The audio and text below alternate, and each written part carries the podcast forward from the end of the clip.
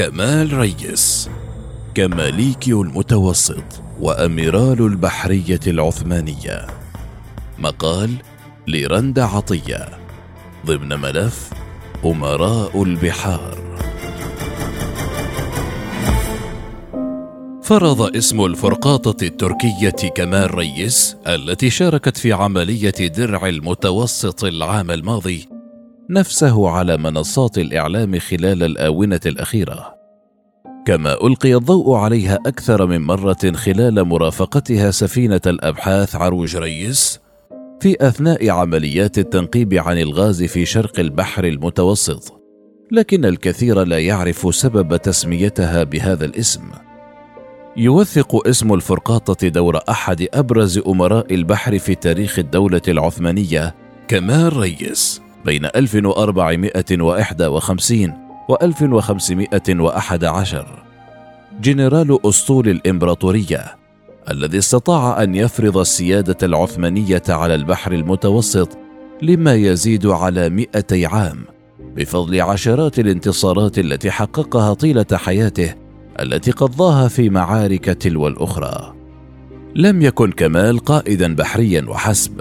بل كان خبيرا بعلوم الجغرافيا البحرية ويعود الفضل في ذلك لابن شقيقه الأميرال الشهير بيري رئيس رسام الخرائط العالمي الذي رافقه القائد البحري في أغلب بعثاته البحرية التي ساعدته في اكتشاف البحر أكثر وأكثر.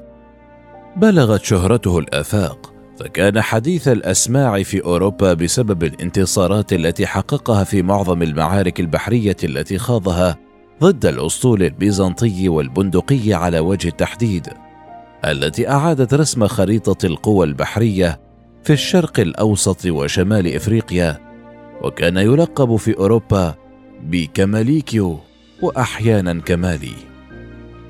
نقطة البداية. كان أحمد كمال الدين الشهير بكمال ريس المولود عام 1451 شغوفا بالبحر منذ صغره. فكان بحارا ماهرا وذاع صيته بين أقرانه من بحار الأناضول. الأمر الذي أهله لأن يصبح قائد الأسطول البحري التابع لباي سنجق إحدى جزر اليونان التي كانت تحت قبضة العثمانيين في ذلك الوقت. فرضت مهارته نفسها على السلطان بيزيد الثاني بين 1447 و 1512 الذي كلفه بمهمة الدفاع عن آخر معاقل المسلمين في الأندلس.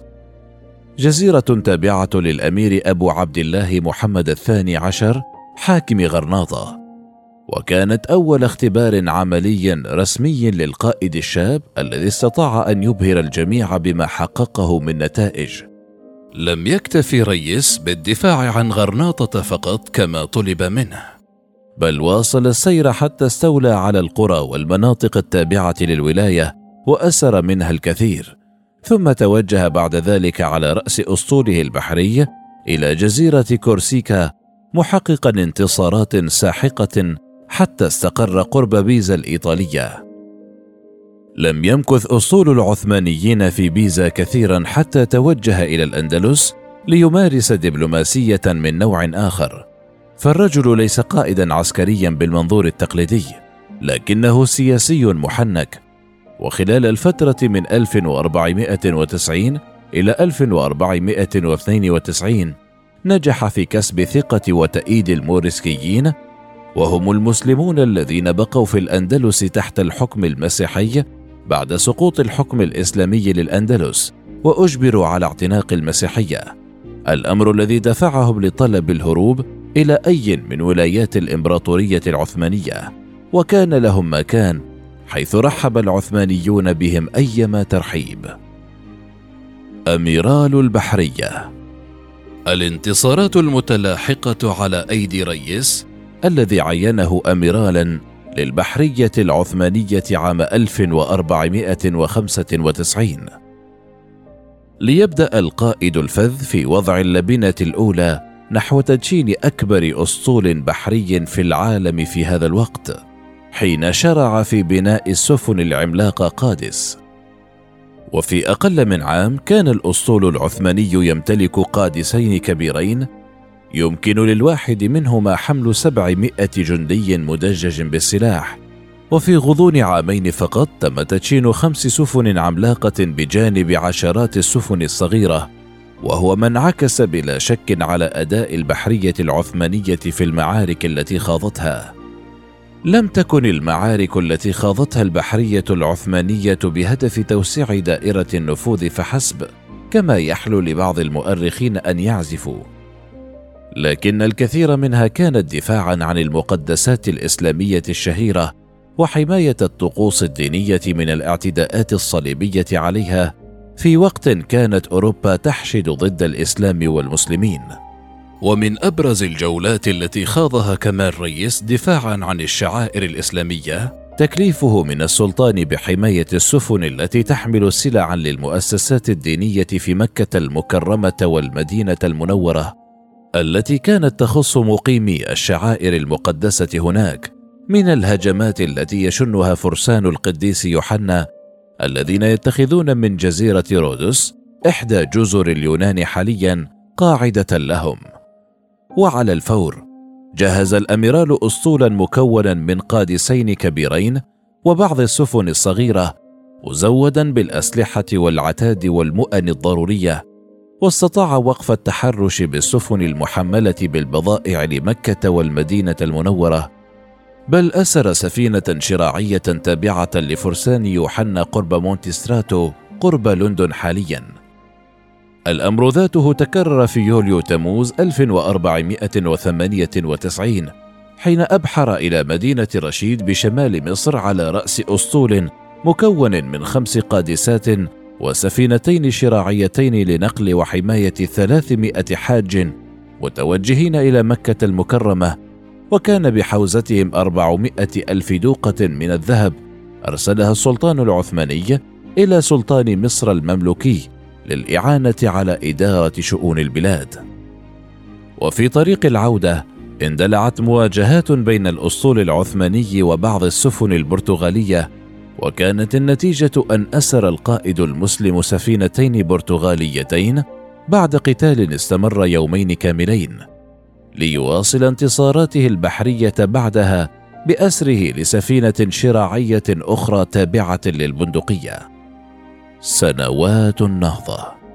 وصلت شهرة كمال ريس حدودها القصوى خلال السنوات الأربعة التي اندلعت فيها الحرب البندقية العثمانية التي امتدت من 1499 إلى 1503 حيث قدم أداء أبهر العالم أجمع وكان له الفضل في تطوير الترسانة البحرية فهو أول من أدخل المدفعية إلى القوات البحرية.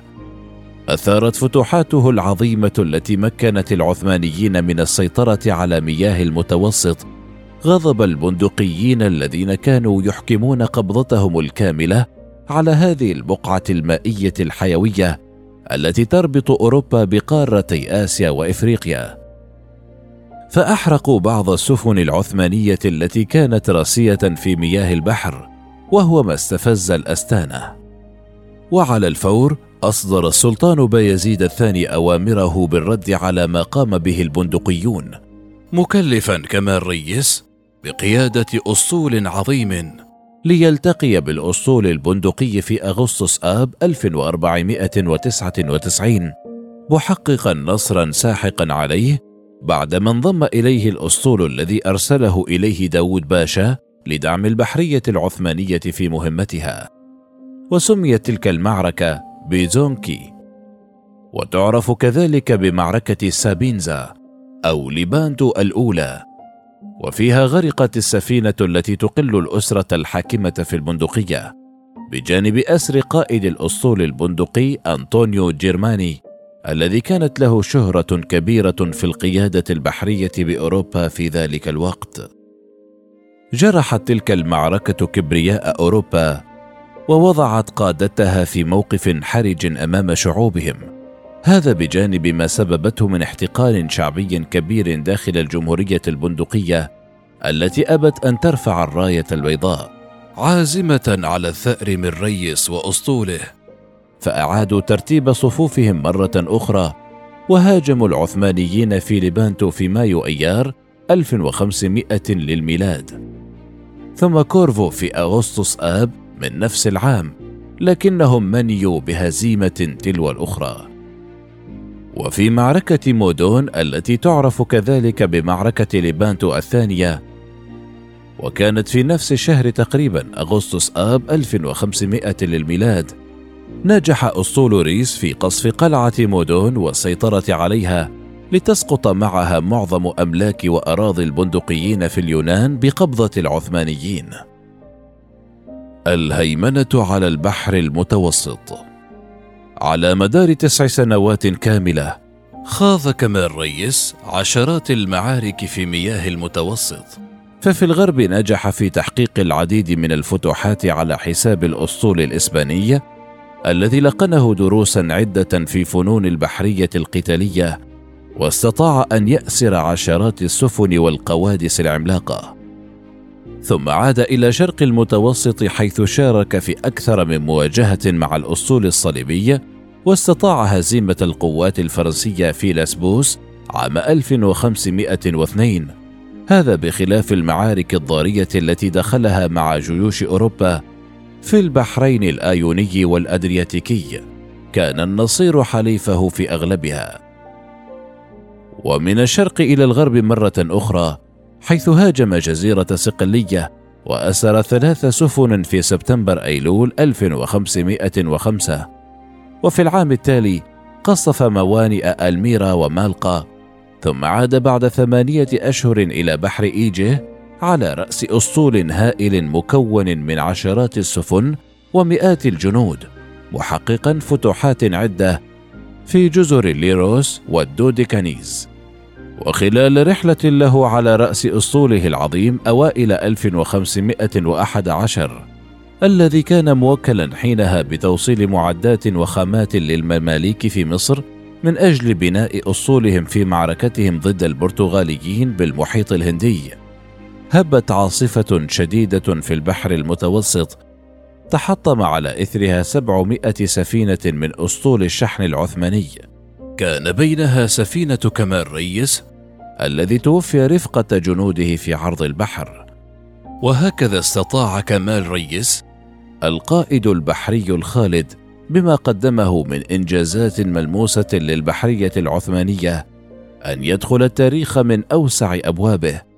الأمر الذي أبقى اسمه حيا حتى اليوم رغم مرور أكثر من نصف قرن على رحيله لتبقى مآثره قصصا ودروسا مستفادة يتعلمها النشء والمهتمون بفنون القتال البحري.